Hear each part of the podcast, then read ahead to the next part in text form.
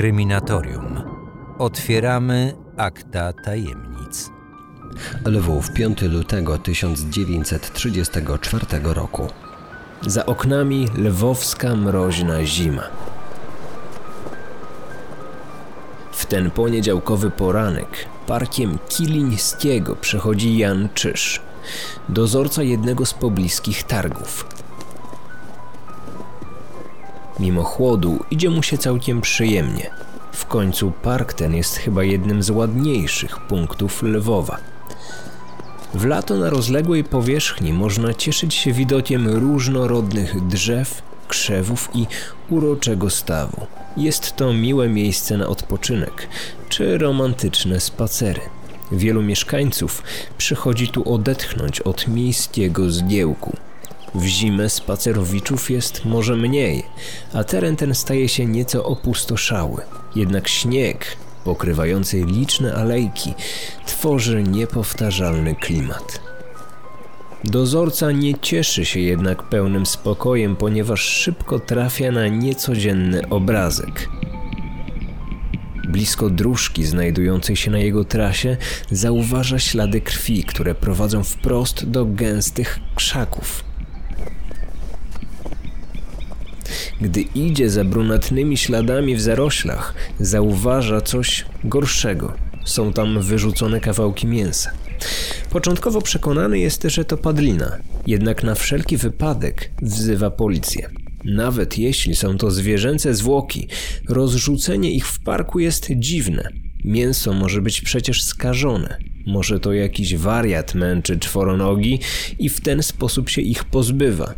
Przybyli na miejsce funkcjonariusze nie mają jednak złudzeń. 5 lutego 1934 roku miejscowe władze bezpieczeństwa zawiadamiają o znalezieniu w parku Kielińskiego części pokrojonych ludzkich zwłok. W liczbie 15 sztuk, na które trafił idący przez skwer w godzinach przedpołudniowych dozorca targów wschodnich Jan Czyż.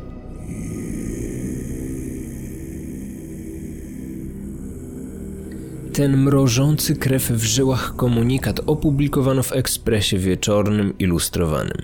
Ze względu na to, że były to części jedynie korpusu, bez rąk, nóg i głowy, niemożliwe było ustalenie danych ofiary.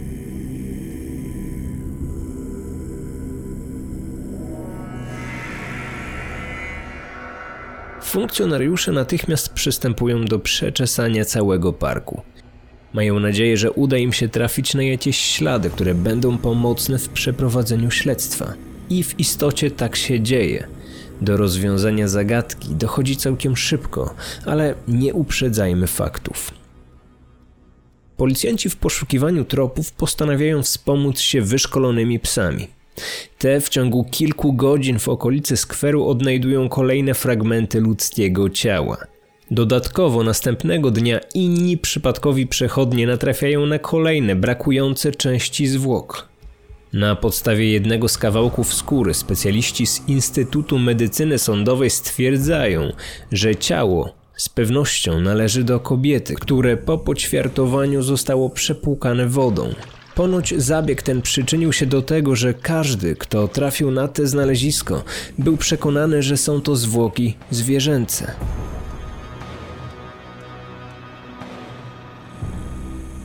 Łącznie w ciągu dwóch dni udaje się skompletować 44 kawałki ciała. Głowy ofiary jednak nadal nie udaje się znaleźć. Z pewnością nie był to przypadek, komuś musiało zależeć na tym, by uniemożliwić identyfikację zwłok. Na ciele ofiary w niektórych miejscach poprzylepiane były fragmenty pudełek dwóch marek papierosów, płaskich i sportów. Ślady te mogły sugerować, że do zbrodni doszło w jakiejś fabryce, magazynie, a może w zwykłym sklepie. Policjanci połączyli to z faktem, że 4 lutego jeden z funkcjonariuszy zauważył pewnego kioskarza ze starszą kobietą. Mężczyzna ten prowadził swój interes w okolicach parku. Z kobietą wszedł do swojej budki, ale nikt nie widział, by nieznajoma stamtąd wychodziła. Następnego dnia sprzedawca przekazał swojemu koledze damski płaszcz do sprzedania. Hmm, mężczyzna kobieta, kiosk, papierosy i bezpański płaszcz. Brzmi to podejrzanie. Zanim jednak śledczy udali się do kioskarza, postanowili przepytać gościa, który próbował sprzedać damskie okrycie.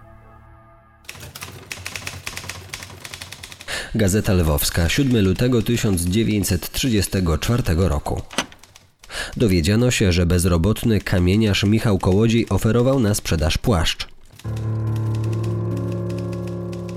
Na pierwsze pytania policji odnoszące się do ubrania odpowiedział twierdząco, że otrzymał je od niejakiego Cybulskiego z poleceniem sprzedania za 15 zł.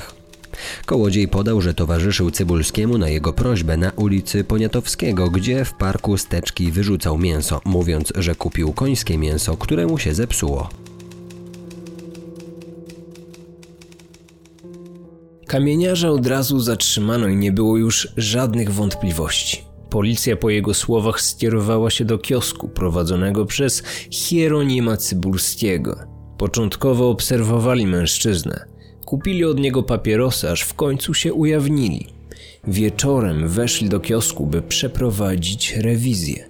Trafili tam na makabryczny widok. Donosiła o tym znowu gazeta lwowska. Cała podłoga zaśmiecona, skąpana była krwią. W kątach znajdowały się skrwawione szmaty i strzępy ubioru damskiego. Wśród rupieci na podłodze znaleziono kilka palców rąk. Pod ladą stała miska z wodą, a wewnątrz niej jelita, kawałki mięsa i kości oraz skóra z głowy.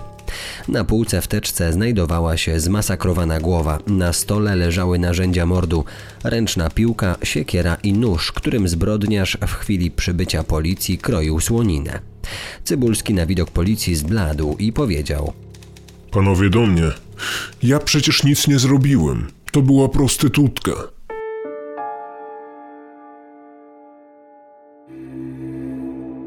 Policjanci zauważyli w kiosku kilka dokumentów kobiet, które zostawiły je w zastaw za papierosy. W piecu dopalały się kobiece buty. Cybulskiego aresztowano i umieszczono w wydziale śledczym. Ten niskiego wzrostu mężczyzna miał 44 lata. Był szczupły, o rudym kolorze włosów, na których widać było pierwsze ślady łysienia. Jako ponad 30% inwalida austriacki otrzymał od władz kiosk. Mały biznes prowadził od 10 lat. Dzięki dobrej lokalizacji budki Cybulski odnotowywał całkiem przyzwoite zyski. Wraz z nimi stwierdził, że chce się bawić. Chwilę później opuściła go żona, lecz i ona zdążyła skorzystać z zysków pochodzących z utargu. Ponoć pieniądze wydawała na obstawianie wyścigów konnych. Smutny los spotkał ich syna. Rodzice zajęci własnymi rozrywkami zupełnie się nim nie interesowali. Zbigniew wylądował w szkole z internatem, ale ani ojciec, ani matka nie opłacali mu czesnego, ani w ogóle na niego nie łożyli. Stracili z nim kontakt. Kioskarz nie cieszył się dobrą opinią. Środowisko sklepikarzy mówiło o jego skłonnościach do alkoholu, prostytutek i wszczynania awantur. Oprócz tego mężczyzna przejawiał skłonności do sadyzmu. Obdzierał ze skóry psy, a gdy był świadkiem wypadku samochodowego, zamiast udzielić pomocy poszkodowanej, wolał przyglądać się jej cierpieniu. Nie otrzeźwił go wówczas fakt, że w momencie, gdy patrzył na umierającą kobietę, ktoś właśnie okradał jego budkę. Ponoć po zabraniu poszkodowanej do szpitala przykucnął na chodniku i z dziwną lubością rozcierał po ulicy ślady krwi. Uderzające jest to, że mężczyzna nie miał problemu z przebywaniem w pomieszczeniu, które w czasie jego zatrzymania przypominało kadr niczym z horroru. Normalnie tam spał, jadł, jak gdyby nigdy nic. Może w znieczuleniu pomagał mu alkohol. Ciężko uwierzyć, żeby można było tak po prostu żyć na miejscu zbrodni, pełnej krwi walejących się wszędzie części ludzkiego ciała. Cybulski wypytywany przez policję o okoliczności zdarzenia, w którym zginęła kobieta, kilka razy zmieniał swoją wersję. Posłuchajcie informacji, które na ten temat zdobył Ekspres Wieczorny Ilustrowany z 10 lutego 1934 roku. Cybulski początkowo mówił, że ofiara Elżbieta Szefówna sama się otruła, a on później z obawy przed odpowiedzialnością postanowił pokroić zwłoki i ukryć je przed okiem władzy. Później przyznał się, że zabił swą ofiarę uderzeniem siekiery w głowę. Wreszcie oświadczył, że chciał się tylko przekonać, czy cyjanek potasu szybko działa i w czasie libacji ze swoją kochanką wsypał jej do kieliszka trochę trucizny. Na zapytanie jednak, dlaczego dokonał tej zbrodni, morderca nie daje odpowiedzi. Przeanalizujmy te doniesienia od początku. Po pierwsze, kim była zamordowana? Elżbieta Szefówna.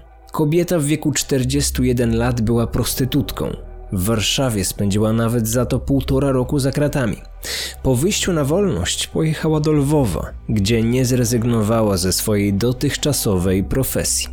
Jej zaginięcie zostało zauważone przez koleżanki, które dowiedziawszy się o okolicznościach, w jakich zginęła, postanowiły zająć się pogrzebem. Początkowo śledczym wydawało się, że poćwiartowane ciało należało do innej kobiety, jednak Cybulski przyznał, kto dokładnie stał się jego ofiarą. W ekspresie wieczornym wspomniano o cyjanku potasu. Ta trucizna po zażyciu prowadzi do porażenia ośrodka oddechowego i zatrzymania czynności serca. Skąd się wzięła u kioskarza? Otóż tłumaczył on, że dostał ją od swojego znajomego, woźnego uniwersytetu. To kolejna obok kołodzieja osoba zamieszana pośrednio w śmierć tej prostytutki.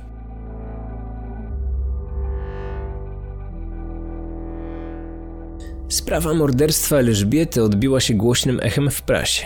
Pisały o niej wszystkie możliwe dzienniki, które od momentu zatrzymania Cybulskiego aż do czasu jego rozprawy codziennie poświęcały chociaż skrawek strony tej historii.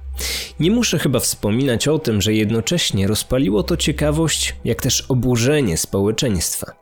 Już podczas wizji lokalnej, która odbyła się następnego dnia wokół kiosku, zebrał się tłum ludzi żądnych sprawiedliwości. Wykrzykiwali w stronę kioskarza niecenzuralne słowa i z odrazą mu się przyglądali. Potrzebny był dodatkowy zespół policji, by opanować sytuację na ulicy. Mężczyzna jednak w całym zamieszaniu starał się zachować względny spokój.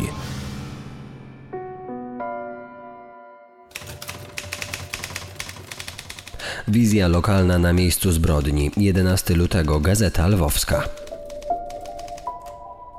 Około godziny 10 na miejsce przybyła komisja sądowo-śledcza. Jeden z wywiadowców otworzył zapieczętowany kiosk. Wewnątrz panuje nieład. Na łóżku leżała brudna i zakrwawiona pościel. Obok kiosku znaleziono jeszcze kość z nogi zamordowanej, a kilka metrów dalej kawał mięsa z kością.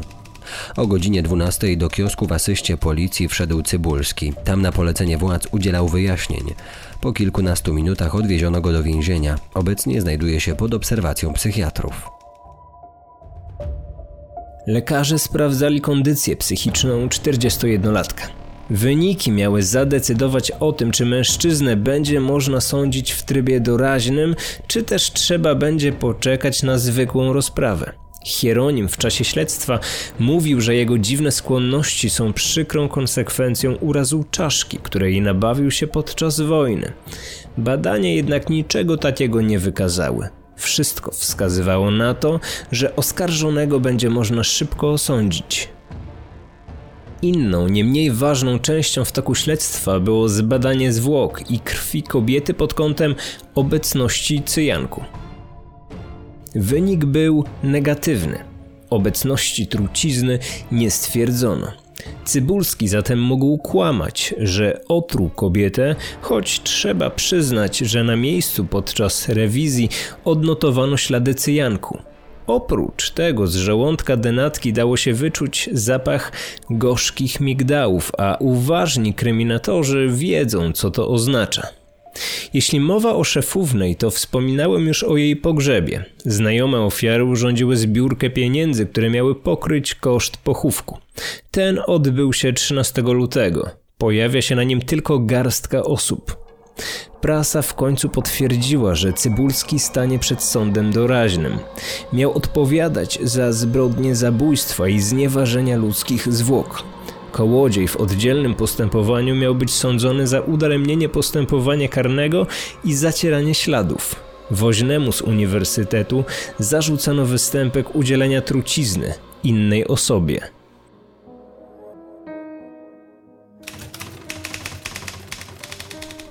Ekspres Wieczorny Ilustrowany 27 lutego 1934 roku. W dniu wczorajszym rozpoczął się sąd doraźny nad krwawym wampirem lwowskim Hieronimem Cybulskim. Za popełnione przestępstwo grozi mu kara śmierci. Rewizja, prócz śladów krwi we wnętrzu całego kiosku, wykryła dwie teczki skórzane napełnione częściami zwłok ludzkich, skrwawione części garderoby damskiej, zielony sweter, beret, porwaną sukienkę, szalik i buty. Przesłuchany przez sędziego śledczego Cybulski przyznał się do zabójstwa nieznanej kobiety, z którą spędził noc z 3 na 4 lutego w swoim kiosku. Do późnych godzin pili wódkę i jedli zakąski. Następnie, siedząc z kobietą na łóżku, wsypał niepostrzeżenie do jej szklanki odrobinę cyjanku, a miksturę dał jej do wypicia. Kobieta natychmiast straciła przytomność i przestała oddychać. Oskarżony poćwiartował ciało, a fragmenty zwłok rozrzucił w okolicy. Oczywiście proces przyciągał przed gmach sądu tłumy ludzi. Tylko nielicznym udało się zdobyć kartę wstępu na salę rozpraw. Ciekawostką w tej sprawie jest to, że Cybulski miał być sądzony dokładnie w tej samej sali, w której Rita Gorgonowa została skazana na karę śmierci. Być może fakt ten napędzał dodatkowych ciekawskich mieszkańców Lwowa, pamiętających historię Lusi Zarębianki.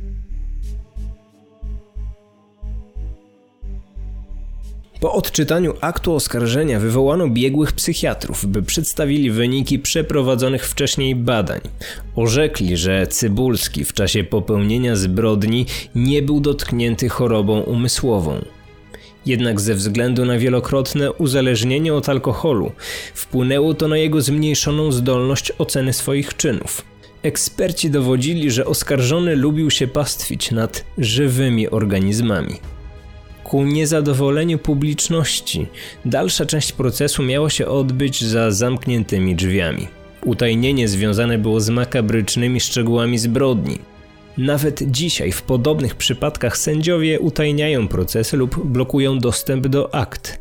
Treści mogą być zbyt drastyczne dla osób z zewnątrz. Jednak dzięki doniesieniom gazet wiadomo co nieco o tym, co działo się na sądowych korytarzach w pierwszym dniu procesu kioskarza. W relacjach ekspresu wieczornego możemy przeczytać, że gdy zasądzono przerwę, Cybulski na widok tłumu ludzi odwrócił się i zakrył sobie twarz.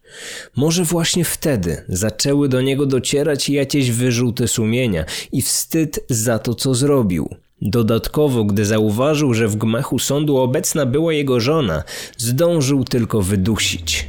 Wolałbym, żeby mnie nie oglądała.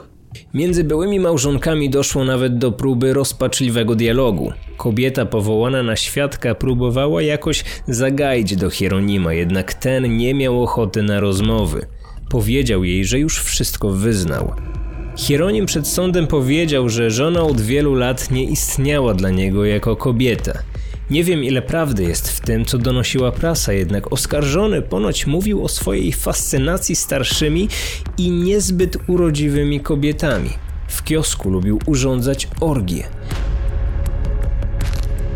Nie czuł jednak, by budził się w nim jakiś morderczy instynkt. Chociaż w czasie ćwiartowania zwłok szefówny poczuł nagły atak szału. Po stronie mężczyzny stanął chyba tylko jego rodzony brat, który do sądu przyniósł mu nawet elegancką marynarkę. Przed wejściem na salę zaczął atakować byłą bratową. Zarzucał jej, że ta nie broni Hieronima, nawet że go obciąża swoimi zeznaniami. Antoni Cybulski twierdzi, że brat zawsze był dziwakiem, ale nie wyobrażał sobie, żeby był zdolny do tak potwornego czynu. Obrona mężczyzny początkowo próbowała zakwestionować zasadność trybu doraźnego, w jakim miał być sądzony. Gdy wniosek o zmianę charakteru postępowania został odrzucony, obrońcy skupili się już tylko na ubieganiu się o jak najniższą karę dla kioskarza. 28 lutego 1934 roku zapadł wyrok w sprawie Hieronima Cybulskiego, który w mowie końcowej wyraził skruchę. Gazeta Lwowska, rok 1934, numer 57. Trybunał uznał oskarżonego winnym zbrodni zabójstwa na osobie szefównej, popełnionej umyślnie przez podanie jej trucizny. Skazuje go za to na dożywotnie więzienie z pozbawieniem praw na zawsze. W myśl ustawy o sądach doraźnych oskarżony powinien zostać skazany na karę śmierci. Jednak częściowe osłabienie rozpoznania przestępczości czynu ucybulskiego sąd uznał jako okoliczność łagodzącą. Karę dożywotniego więzienia uznaje za wystarczającą. Krwawy kioskarz ze spokojem przyjął dość zaskakującą decyzję sądu, który pozwolił mu na spotkanie się z rodziną po umieszczeniu go w więzieniu. Kryminatorium. Otwieramy akta tajemnic.